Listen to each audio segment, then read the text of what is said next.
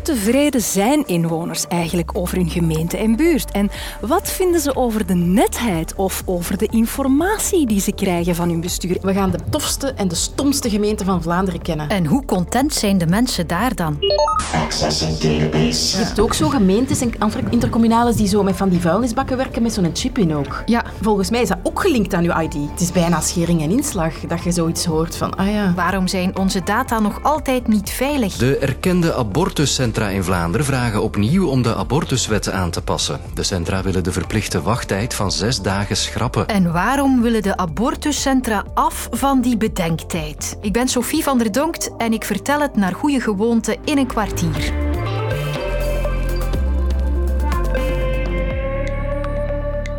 Hey, wat fijn dat je erbij bent, want vandaag is het zover. De nieuwe editie van de gemeente Stadsmonitor. Meer dan 400 cijfers voor elke gemeente en stad in Vlaanderen. Ja, ja, ook de jouwe. Honderden cijfers in één groot online document. Daar pakt de Vlaamse overheid vandaag mee uit. En ik ga even door. Vier op de tien Vlamingen ergeren zich regelmatig aan zwerfvuil en hardrijders. Vier op de vijf zijn blij met het groen in hun buurt. Dat is positief.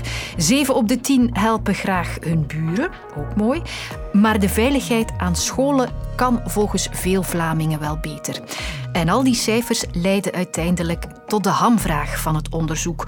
Hoe tevreden ben jij over jouw gemeente of stad?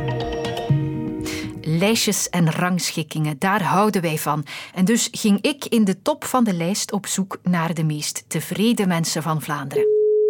En laat ik er maar meteen eentje opbellen. Welkom bij Krelan Kalmthout Centrum. Kalmthout dus. Ja, jij hoort mij, ja? Staat in de top 3 van gemeenten waar mensen het meest tevreden zijn.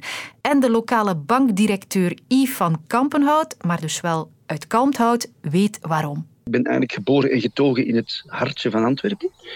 Ik heb leren fietsen rond het uh, Museum van Schone Kunsten. Op 18 jaar naar Kalmthout gekomen. Ik heb hier in de Giro gezeten, ik heb in de jeugdraad gezeten. Ik heb nog café gehad in Kalmthout.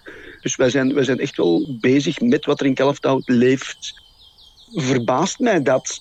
Ga, ja en nee. Dat gevoel van, van open ruimte, van, van een vrijheidsgevoel, een gevoel van groen te kunnen zien. Je hebt verschillende sportinfrastructuren hier. Er wordt hier zeer veel gewandeld, gemountainbiked. Um, uh, wielrennen is hier heel populair. Je moet hier op een zondag komen. Dan fietst heel Kalmthout. Ik doe het zelf ook. Als ik even de kans heb, dan ga ik een frisse neus halen. Vlak bij mij thuis in de Kalmthoutse Heide. Ik doe daar een tour. Dat helpt natuurlijk ook mee aan dat positief gevoel. Hè? Ik denk dat mensen daar zelf te weinig bij stilstaan. Ik denk dat mensen te weinig stilstaan bij het feit van hoe goed hebben we het hier. En om een vergelijking te maken. Ik heb in het centrum van Antwerpen gewoond, ik heb in Borgerhout gewoond. Ik zou niet meer terug willen naar Antwerpen. Misschien zegt dat genoeg. Alle dagen feest dus, daar in Kalmthout. Maar hoe zou het ondertussen zijn in de gemeenten die onderaan bengelen in de lijst? Als ik helemaal naar beneden scroll in de Excel-lijst met tevredenheidsscores, dan kom ik bij Boom, Ook mijn eigen stad Vilvoorde en nog een bekende buurgemeente Machelen. Het geraas van de Brusselse ring en om de zoveel minuten een vliegtuig boven je hoofd, het maakt blijkbaar weinig mensen gelukkig. En toch, ja, ik snap dat dus echt niet. Het doet een beetje pijn. Ik snap het ook echt niet van waar het komt. Ik woon echt heel graag in Machelen. Ja. Ik vond iemand die er met een glimlach opstaat en gaat slapen. Ik ben Jusra, ik ben 27 jaar oud. Ik ben geboren en getogen in Vilvoorde. En ik ben acht jaar geleden verhuisd naar Machelen. Machelen is een dorp. Geen klein dorp, daar wonen meer dan 10.000 mensen. Iedereen woont er ook redelijk dicht bij elkaar. Heel veel appartementsblokken, vrijstaande woningen zijn er eigenlijk niet zoveel. Dus ik snap wel dat de sociale controle voor sommige mensen misschien wel wat moeilijk is, maar je hebt dat ook in heel veel andere dorpen en gemeenten. En je hebt dat zeker niet sterker in Machelen. Een van de grootste ergernissen, denk ik, is wel dat het een beetje aan het verfransen is. Ik kan ook met sommige buren niet praten, omdat ik geen Frans spreek dat gebied snap ik wel dat er ja, zo wat kunnen ontstaan tussen buren. Maar langs de andere kant, ik hou wel zo van het stedelijke. Ik hou ook zo van het multiculturele. Ik zou niet in in een heel homogene gemeenschap kunnen wonen, want ik ben zelf Marokkaans. Ik zie mijzelf niet in een heel witte gemeente wonen. Openbaar vervoer, ook heel sterk in Machelen vind ik, want ik heb zelf geen auto. Dus het is belangrijk voor mij dat ik in de buurt ben van een station. En ik heb er twee in mijn buurt. Ik heb Boeddha station en ik heb Vilvoorde station. Ik heb ook een heel uitgebreid busnetwerk dat ik kan gebruiken, zowel MIVB als de lijn, wat echt een luxe is. Ik heb verschillende winkels in mijn buurt. Ik heb Albert Heijn of ik heb de Lidl of ik moet bankzaken regelen. Alles is in de buurt eigenlijk. Uh, ik weet niet bij wie dat enquête is afgenomen, maar het is ook wel als je uh, enquête laat invullen dat al 50 jaar in Machelen heeft gewoond, dan snap ik wel dat je een beetje, een beetje verzuurd kunt geraken natuurlijk, omdat die, dat dorp is zo hard veranderd op zo'n korte tijd. Dan kun je bijna niet anders zijn dan verzuurd te zijn, want je voelt je nu uitgesloten van een gemeenschap waar je eigenlijk heel je leven hebt gewoond. Dus op dat gebied snap ik het wel, ja. Mhm. Maar het is dus echt wel een toffe plek om te wonen. Nu ben je natuurlijk benieuwd naar alle cijfers over contente en minder contente mensen in jouw eigen gemeente. Die vind je natuurlijk in de app en op de website van 14 Nieuws.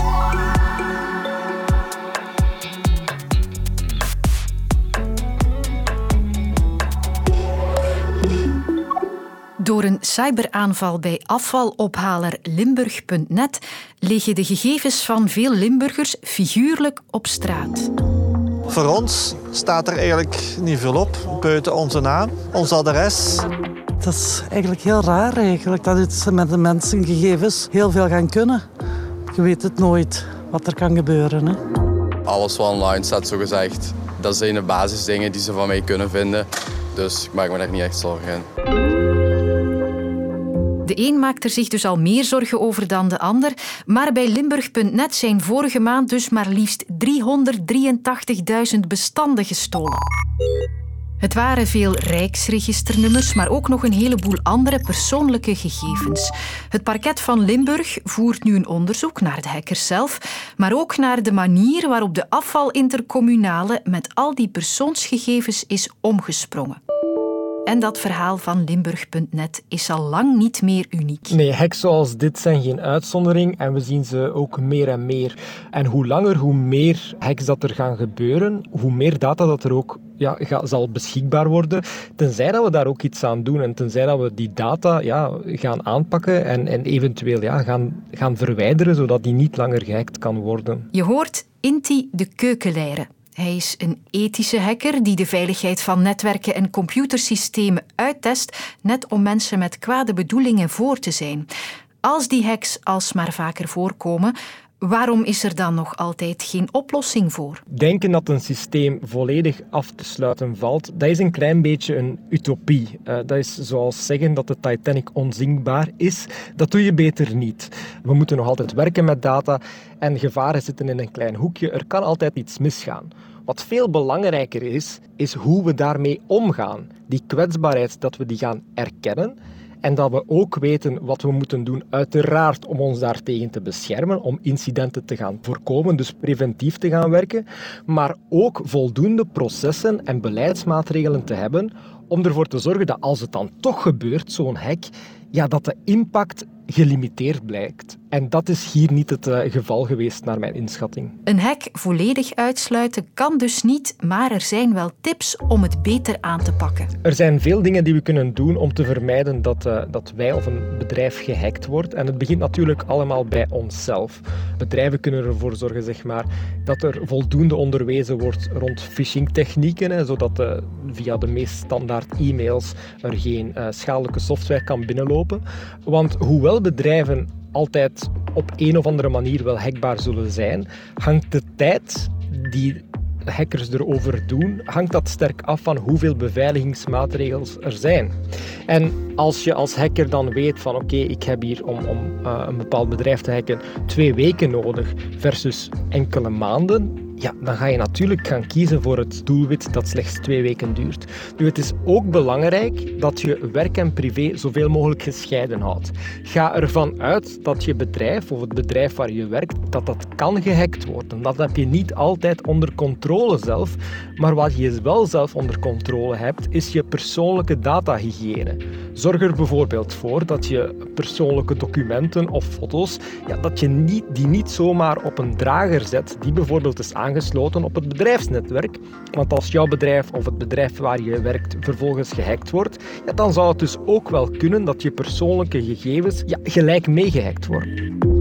Ik heb bij Limburg bijvoorbeeld documenten gezien, ziektebriefjes van begin de jaren 2000.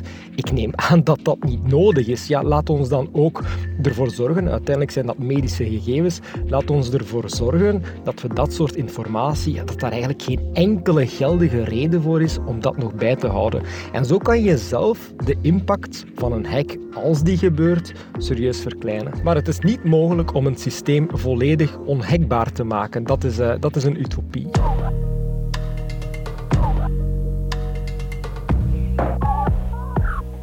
We hebben er vanmorgen 53 minuten over gedaan om te beslissen welke onderwerpen we in dit kwartier zouden steken. En het langst hebben we getwijfeld aan het item dat nu komt.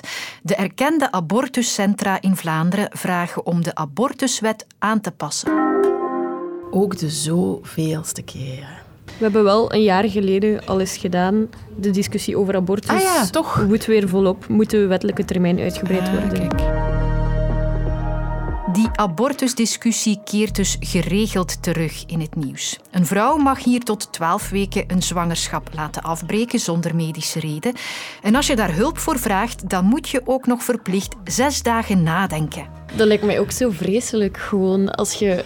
Oeh, nee. Dat is ook vreselijk. Ja. Ik heb een abortus gehad op mijn 19. Ah ja. Dat was wel in de steentijd, hè? 95 of zoiets. Ja, die hulpverleners toen die zeiden dan van ja, wij moeten u nu laten gaan. Die wisten ook wel dat dat onzin was, Ja. want dat is absurd. Je moet dan naar huis en dan moet je nog eens terugkomen.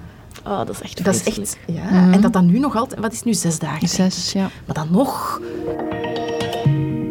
Misschien kijk je nu op van die getuigenis. Voor mij kwam ze ook onverwacht. Maar laten we realistisch zijn. Als één op de vijf vrouwen in haar leven de keuze maakt voor een abortus, dan is het logisch dat jij en ik mensen rond ons hebben die het ook meegemaakt hebben. Dat trok ons over de streep om dit item toch te maken en om in te zoomen op de bedenktijd waar de abortuscentra dus vanaf willen. Ik ben Karin Franke en ik werk in het abortuscentrum van Luna in Hasselt en ik ben een van de directeurs van de VZW Luna.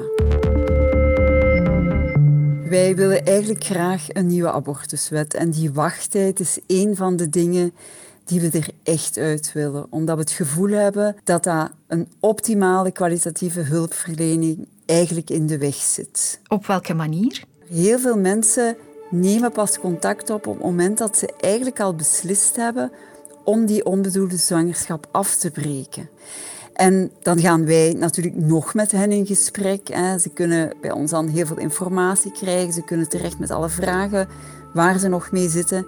En de laatste vraag van mensen is dan natuurlijk altijd: en wanneer kan die behandeling plaatsvinden? En dan moeten wij dus tegen mensen zeggen dat we die behandeling pas kunnen inplannen ten vroegste zes dagen na het gesprek wat we op dat moment hebben. En mensen vinden dat echt een verschrikkelijk antwoord dan dat wij hen geven. Hè. Maar je zou ook kunnen zeggen: het kan geen kwaad om over zo'n levenskeuze heel goed na te denken. Ik ben het daar helemaal mee eens. Maar onze ervaring leert dat de mensen daar ook op een heel gewetensvolle en bewuste manier mee bezig zijn. En dat mensen daar heel goed over nadenken. Er zijn ook mensen die bij ons een afspraak maken en die helemaal de kluts kwijt zijn. En die niet weten wat ze moeten doen. En die komen net naar ons om met buitenstaanders, die weliswaar experten zijn als het gaat over onbedoelde zwangerschappen, om daarover te spreken. En dan is het onze taak om met mensen gaan te kijken wat ze nodig hebben om tot een goede beslissing te komen. Dus die groep heeft baat bij bedenktijd, maar andere mensen dan weer niet. Ja, dat is zo. Het is een van die dingen in het leven waar we altijd van hopen dat het ons nooit zal overkomen. Maar toch overkomt het heel veel mensen. Het probleem is dat we er heel weinig over spreken. En dat betekent natuurlijk ook dat het taboe daar rond blijft bestaan.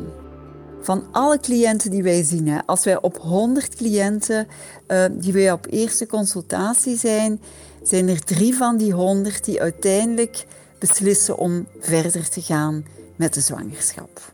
En dan wensen wij een proficiat. Maar dat gaat altijd blijven. Ook als die wettelijke wachttijd uit de wet geschrapt wordt. Weet je, wij willen vooral aan goede hulpverlening doen. Het doel is dat mensen voor zichzelf een goede beslissing kunnen nemen. En nooit eerder gingen zoveel vrouwen daarvoor naar een abortuscentrum in Vlaanderen. Het waren er meer dan 10.000 vorig jaar. Tot morgen. In Onder ons Politiek praten Ivan de Vadder en een collega van de politieke redactie van VRT Nieuws je bij. Ook over de verhalen achter de schermen. Net zoals ze dat doen aan de koffieautomaat op de redactie. Elke woensdag in de app van VRT Nieuws.